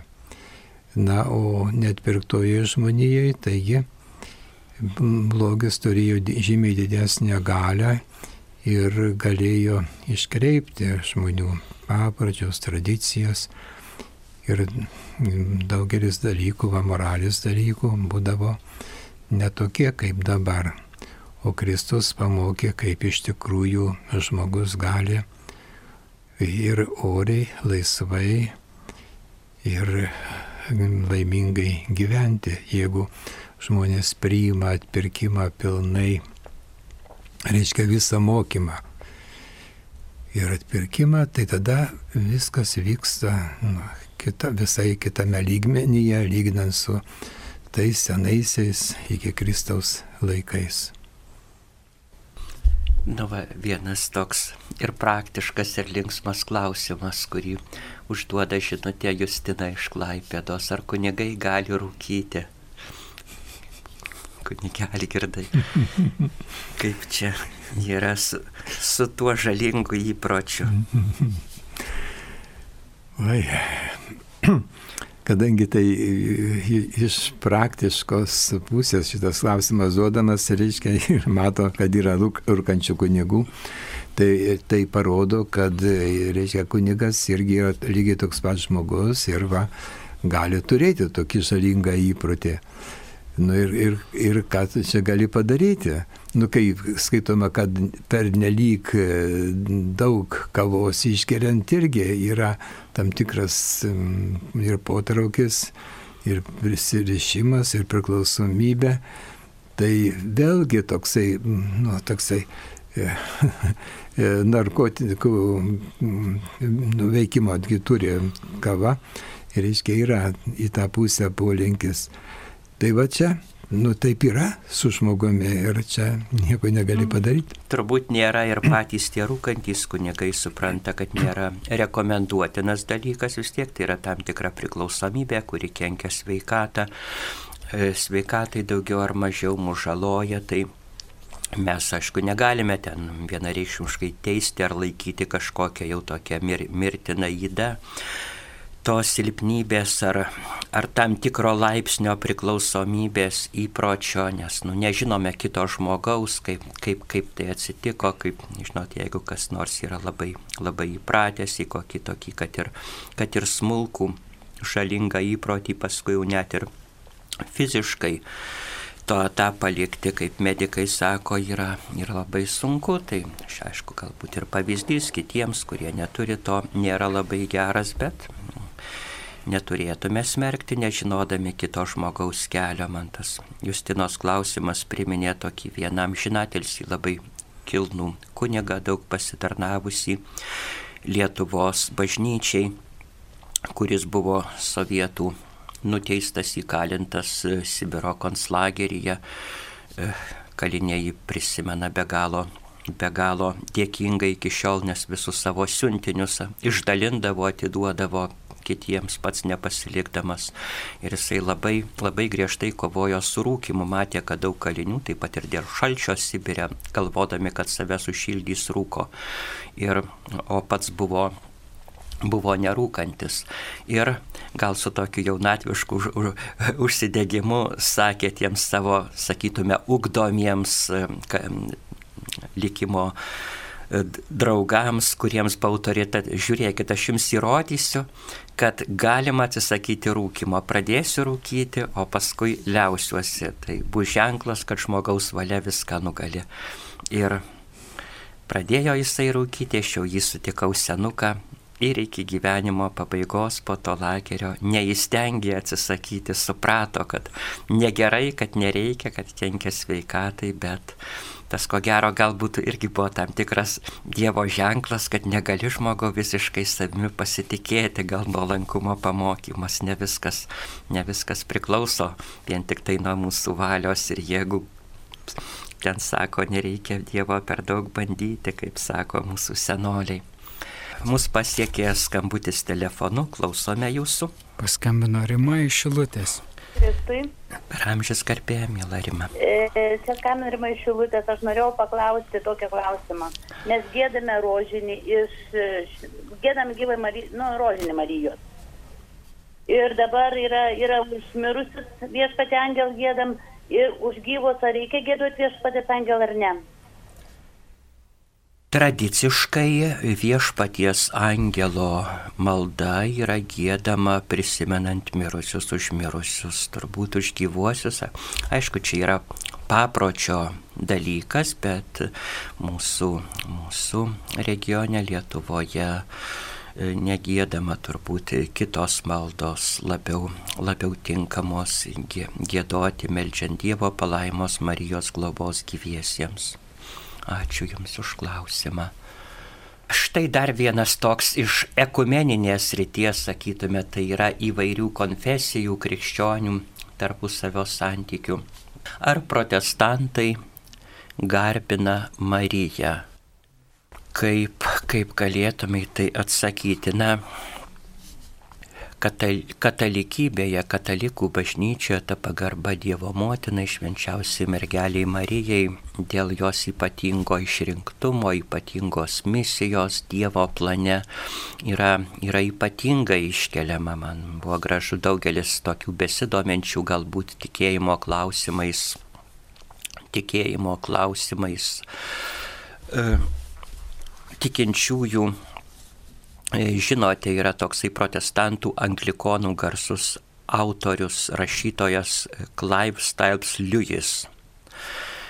Palikęs visų krikščionių daug branginamų veikalų, tai jisai taip e, mane nustebino tokiu labai, na kaip ir svarstydamas tikėjimo klausimus, protestantų, katalikų, kitų konfesijų požiūrį, taip gražiai vardino, sako, galime suprasti tą katalikų santykį su Marija ir kaip jie imasi ginti jos vardą, jos, jos e, autoritetą, kai kas nors kas nors užsipuola, tai yra toksai kaip ir, kaip ir vaikų ir motinos ar sūnaus ir motinos e, santykis, kada labai stengiamasi apsaugoti, apginti, iškelti motinos garbę, motinos vertę. Taigi katalikybėje tas e, Marijos gerbimas yra ypatingai iškeltas, manau, su tikrai su, su pagrindu. Šventajame rašte taip pat matome tradicijoje ypatingą pagarbą Marijai už jos tikėjimą, jos ryšį su Dievu ir su per ją atėjusi Dievo sūnumi Kristumi. Kaip, kaip, kaip buvo, va, bet, sakytume, tame protestantizmo lopšyje pradžioje, kai protestantiškosios, evangeliškosios, liuteronų, kalvino, kitos bendrijos atsiskyrė nuo katalikų bažnyčios, tai buvo tokio galbūt ir agresyvaus perdėto Marijos neigimo, galbūt irgi iš tokio, na, užsispyrimo, jūs katalikai čia labai garbinat Mariją, tai mes tada atvirkščiai, mes, mes tik tai, tik tai Dievą, tik tai Kristų į viso tikėjimo, maldingumo centrą statysime. Šiais laikais, kada, ačiū Dievui, yra tos daugiau tarpusavio pagarbos, pastangų suartėti, ieškoti to, kas jungia visus krikščionius, va, kiek, kiek, kiek aš pažįstu ir tų evangeliškųjų, protestantiškųjų bažnyčių, ir, ir vadovų, ir eilinių narių atsiranda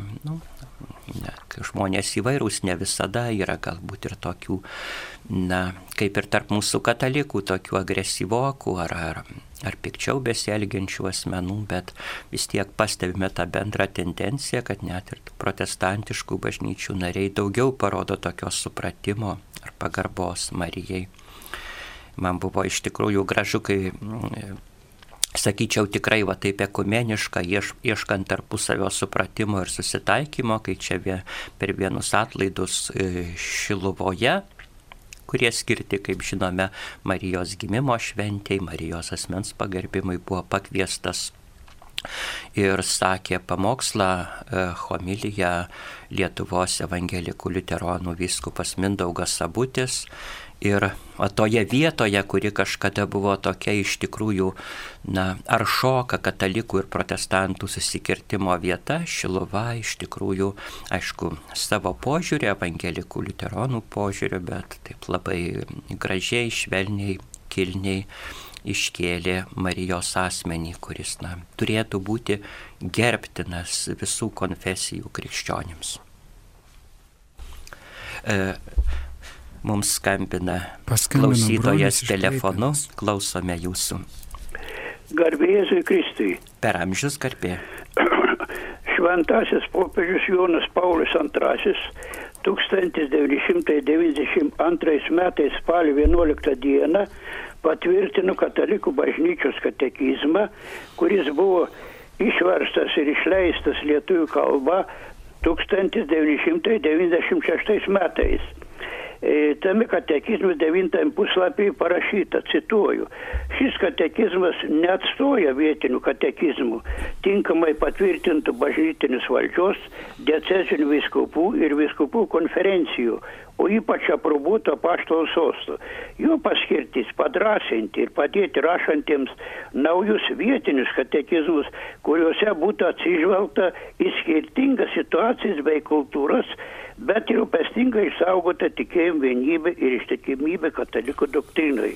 Mano klausimas, ar jau yra išleistas Lietuvos katalikų bažnyčios katekizmas, jei dar ne, tai ar yra ruošiamas ir kada bus išleistas? Aš nieko ne, nesu girdėjęs apie tai, kad čia vietinis katekizmas yra ruošiamas ir kad jis būtų išleistas.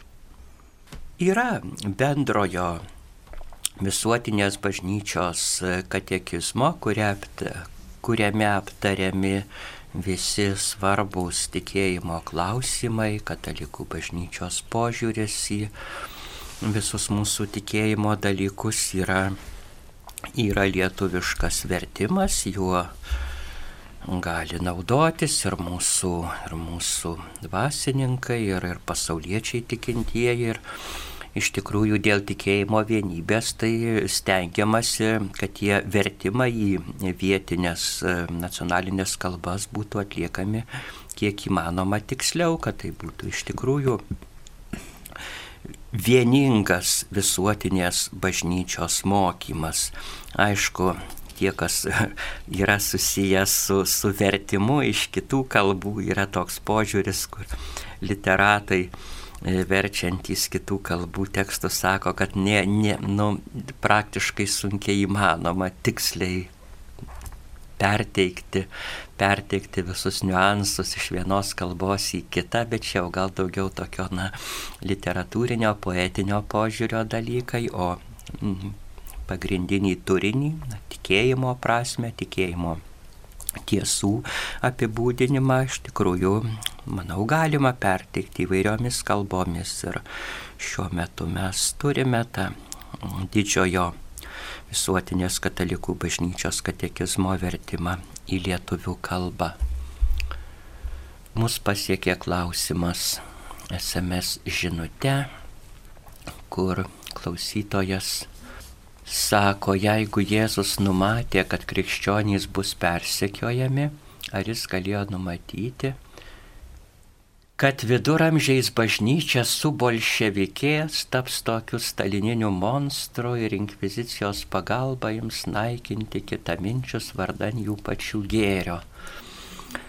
Na čia tie teiginiai truputį kaip, kaip jaučiame tokie yra supolitinti, taip sakant, vieno laikmečio labai tolimo mums laikmečio turbūt šešis ar septynis šimtus metų į praeitį yra bandomi, na taip, gal su, su tokiu jaučiamu noru na, pažeminti ar sumenkinti, taip sugretinti su mūsų amžiaus, mūsų laikais totalitarinių režimų, tomis persekiojimo priemonėmis ar, ar, ar būdais.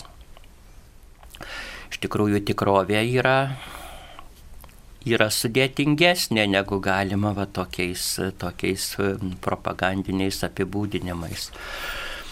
Ją, ją išreikšti kartais man tenka girdėti iš įvairių ir, ir tokių kultūros viešų asmenų ir iš politikų jų tarpusavio ginčiuose, kai jie žodį viduramžiai naudoja, na, kaip tokį vos ne kaip keiksmažodį, kaip sinonimą visokiam tamsumui, žiau, žiaurumui, nemokšiškumui ir panašiems dalykams. Ir to laiko viduramžių tokie objektyvūs tyrinėtojai, istorikai, net ir nebūtinai tikintys, kartais na, netikintys agnostikai, mokslininkai šiuo metu pripažįsta, kad viduramžiai nebuvo vien tik tai kažkokios na, tamsos, nuž, nužmogėjimo ar ne, nemokšiškumo laikas jeigu va taip, nu, objektyviai be emocijų atsektume,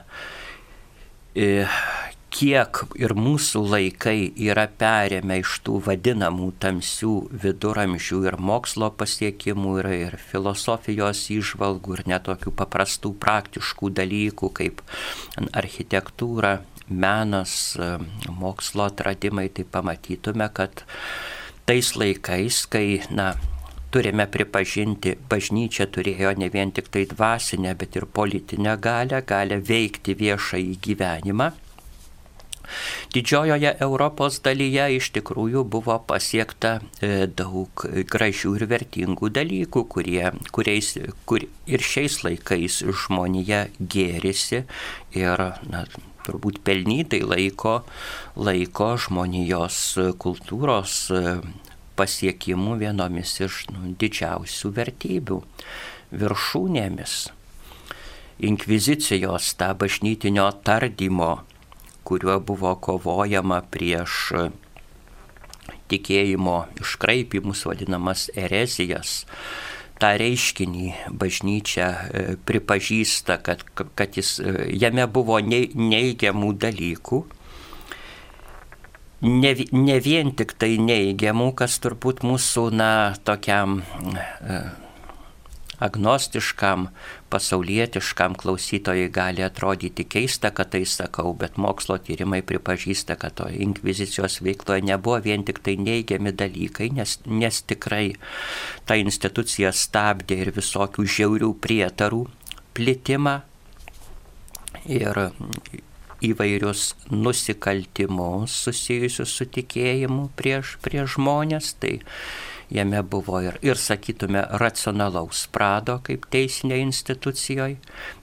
Beje, daugelį to meto e, katalikiškosios inkvizicijos e, metodų, ne, ne kankinimų, bet tyrimo teisinių metodų naudoja ir, ir šio laikinė teisėja sauga, tai buvo, buvo joje tarsi tam tikri pagrindai padėti ir dabartinės teisėja saugos, kad nebūtų kažkoks, na, visiškas toksai savavališkas kokiu nors valdovų ar, ar ir bažnyčios vadovų susidorojimas, bet kad vyktų kažkoks, na, teis, teis, teisinis reglamentuotas procesas. Tai, buvo ir, ir ta racionalioji pusė šitame reiškinyje, bet bažnyčia pripažįsta ir Jonas Paulius II, mūsų šventasis popiežius, pripažino ir tokį kaip ir tikinčiųjų bažnyčios vardu atsiprašymą išsakė dėl, dėl tų iškraipų ar,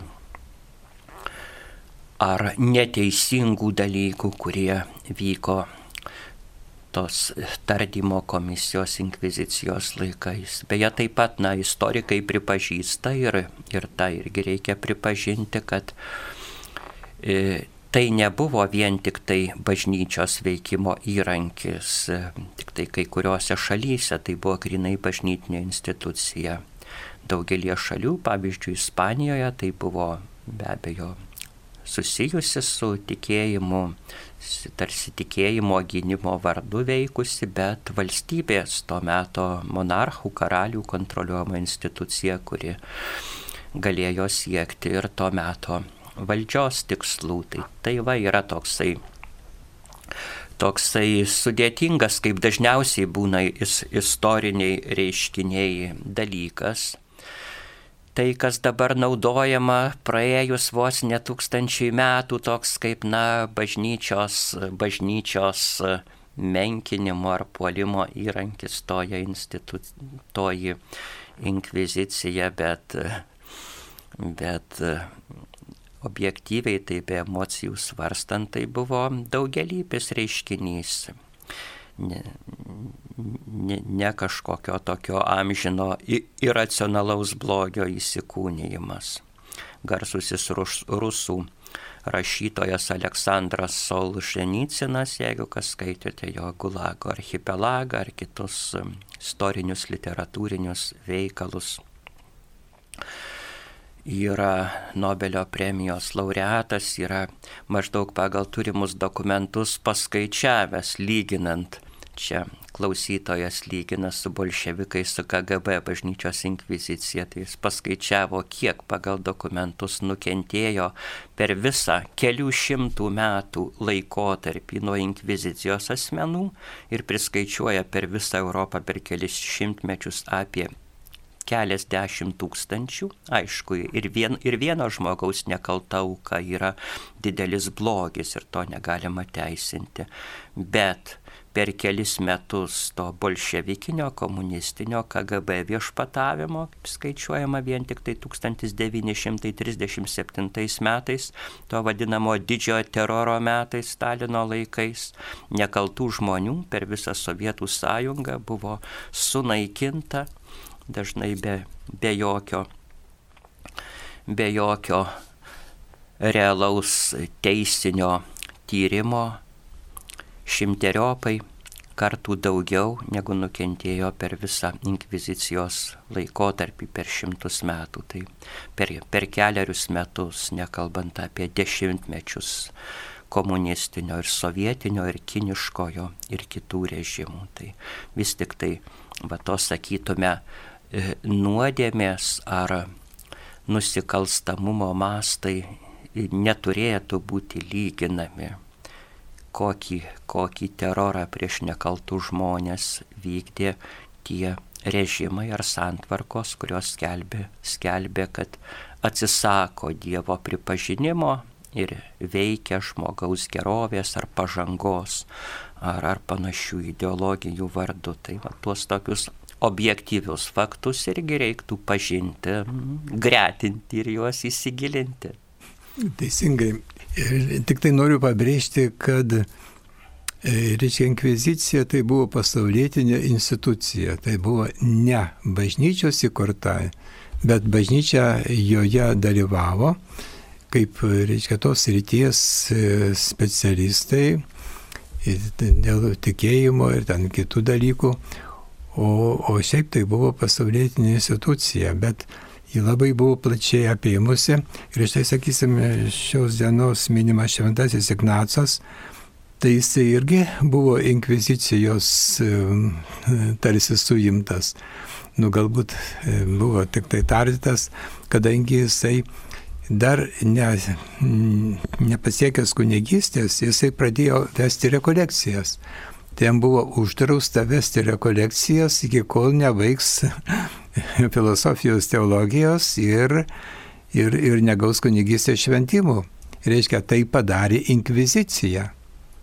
E, toliau šventosios Teresės Avilietės raštai buvo inkvizicijos tikrinami, ką jinai parašydavo, inkvizicija paimdavo ir tada tikrindavo, ar tai sutinka su mūsų bažnyčios doktrina. Taip kad šitą inkvizicija veikia labai plačiai ir tie skaičiai, kurie čia dabar mm, neoteistai jau čia nu, sako, kad tiek buvo. Aišku, yra netokie net dideli. Vieną knygą skaičiau rimtą tokią studiją apie inkviziciją. Tai jis autoris, remdamasis dokumentais, įrodė, kad ten tų nubaustųjų buvo keli šimtai tik tai. O paskui ir Paryžiaus komunos laikais nulis buvo prirašytas, paskui sovietmečio ir išėjo 2 milijonai. Tai, tai nu, Ką skaičiau, tą jums sakau? Taip, mums paskambino Alfonsas iš Šiaulių. Garb... Garbėsiu Kristui. Per amžius garbė. Yra nuo senų laikų jau žinomas dėsnis, kad protingam žmogui pakanka pasakyti vieną kartą ir nereikia kartoti to paties. O sako, kvailam, kartok nors šimtą kartų mažai ir mažai jam vis. Taigi Dievas yra pati protingiausia būtybė. Kodėl mes maldas tas pačias kartojame, kartojam? Tai kuo mes Dievą laikom? Vienas klausimas. Kitas klausimas būtų, Dievą vadinam Kristų atpirkėjų. Yra net giesmė, sako, atpirkėjau kaip tu alpsti nuo sunkiausius. Tad nuo ko jis atpirko? Šitono išeina. Nu, bet tokia kaina šitonui mokėti. Kur čia logika? Ar yra koks nors vadinasi tokis protingas supratimas, kad Dievas turėjo mūsų šitono atperti iš tos šitoniškos vergyjos išvaduoti savo kainą. Galima galvoti. Ačiū.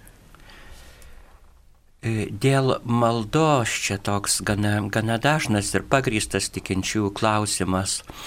Iš tikrųjų, e, išpažįstame, kad Dievas yra visa apimanti, visa žinanti būtis, tai jam net ir vieną kartą nereikėtų turbūt kažko, kažko sakyti, jisai žino, kokia yra tiesa, koks yra žmogaus vidus, tai tos kartotinės ar kitos maldos sakomos ne dėl Dievo, bet dėl mūsų pačių, dėl žmogaus, nes e, žmogus yra tokia būtybė, kad kažkas mumyse mumyse įsigyventų, sakytum, įsišaknytų, mums dažnai, dažnai reikia pakartoti. Tai melžiamės, kad tie dalykai, kurių prašome, gėris, va, tas teisingumas, sažiningumas, meilė, kad jinai mumyse per maldą labiau įsišaknytų, nes, na, yra tas lotyniškas gražus posakis repeticijo est mater studiorum, iškia, kartojimas, repeticija yra studijų motina.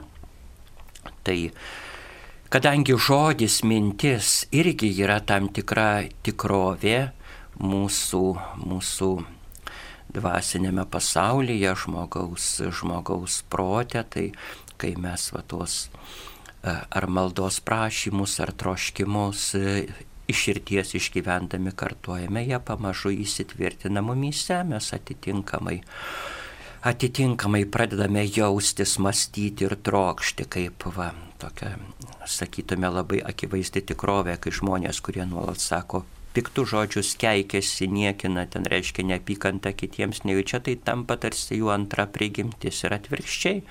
Jeigu linkime, linkime gero, melčiamės, kreipiamės su pagarbumu į Dievą, tai kuria mus pačius, tampa, tampa mūsų dvasinė tikrovė. O dėl atpirki, atpirkimo kunigelį girtai, va, mūsų laida jau eina į pabaigą, tai labai, labai mums mūsų operatorius praneša, nereikėtų labai turbūt užtęsti, bet dar gal keletą klausimų spėsim atsakyti. Mhm. Atpirkimas. Atpirkimas. Tai čia ne iš šetono atpirkimas, o, o dieviškojo, iš dieviškojo teisingumo. Kaip dabar suprasti tą dievišką teisingumą, tai čia vėl mums yra nebe visai aišku nes žmonija buvo nusidėjusi baisiai prieš Dievo tvarką, prieš e, paniekinusi Dievo meilę. Tai taigi reiškia, reikia žinoti, mes žmonės esam kūriniai ir dabar su Dievu tiek tūkstančių metų buvo mm, nesiskaityta, nuodėmis buvo daromas. Ir reikėjo to dieviškojo atlygintojo, kuriuo ir tapo Kristus. Nes e, tai, kas yra Dievui padaryta, Dievo įžeidimai, nu, žmogus, joks žmogus ir žmonija net negali atlyginti. Tai va turėjo būti Kristus, kuris visą tai sutvarkė, reiškia, tą, tą visą skolą žmonijos sumokėjo. Tai, tai toks yra atpirkėjo nu, veikimas, to, taip jisai pasielgia. Tai atvirkėjo tiek. Štai esame žinutė, mus pasiekė vienas su šios dienos istoriniais įvykiais susijęs klausimas, kur klausytojas primena 30 metų po septynių jaunųjų didvyrių žūties medininkuose turima mintyje 1991 metais šią Liepos dieną sovietų smogikų medininkų pasienio punkte e, sušaudyti Lietuvos e, pasieniečiai ir muitininkai.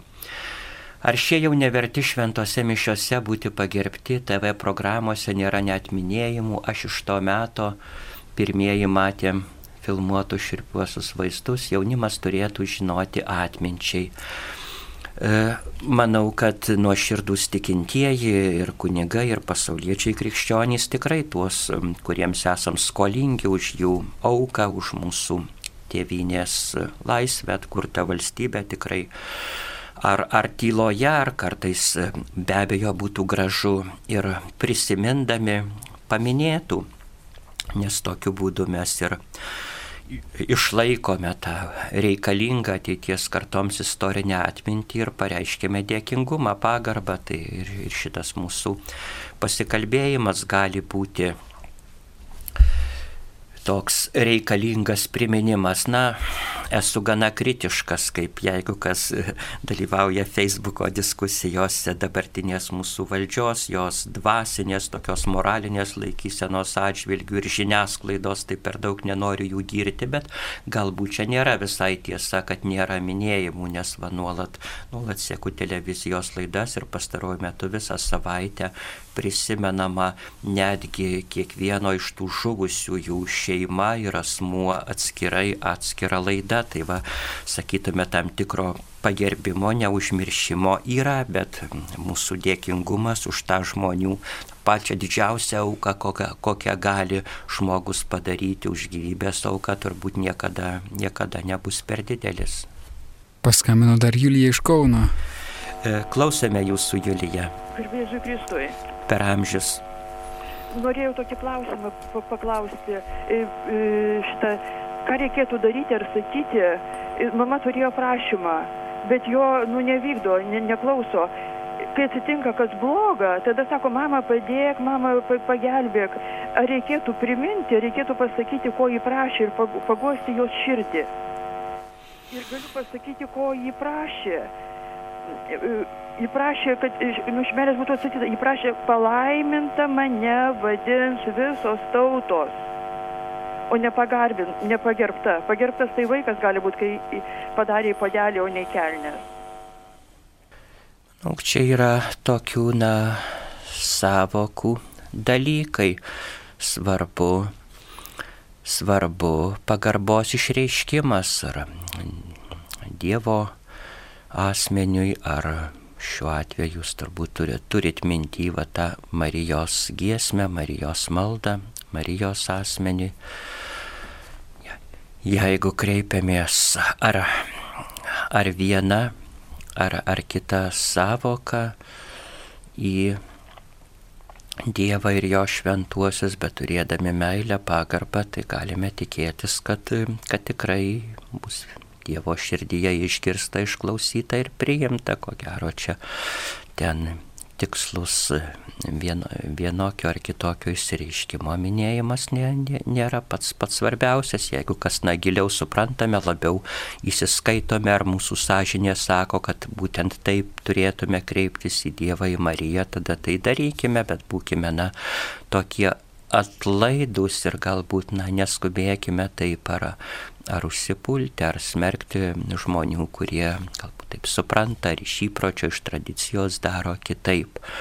Man labai va toks gražus atrodo ir pedagogiškas ir tinkamas šventajame rašte Švento Petro laiške toks įsakytas kreipimas įsitikinčiuosius, kad e, kalbėkite kitiems apie jumyse gyvenančią viltį su švelnumu meiliai, nuolankiai ir turėdami ramę sąžinę. Taigi toks, toks paraginimas net tuose dalykuose, kur galbūt manom, kad kažką geriau, teisingiau suprantam, bet pateikti juos su tokiu kantrumu, nuolankumu ir švelnumu.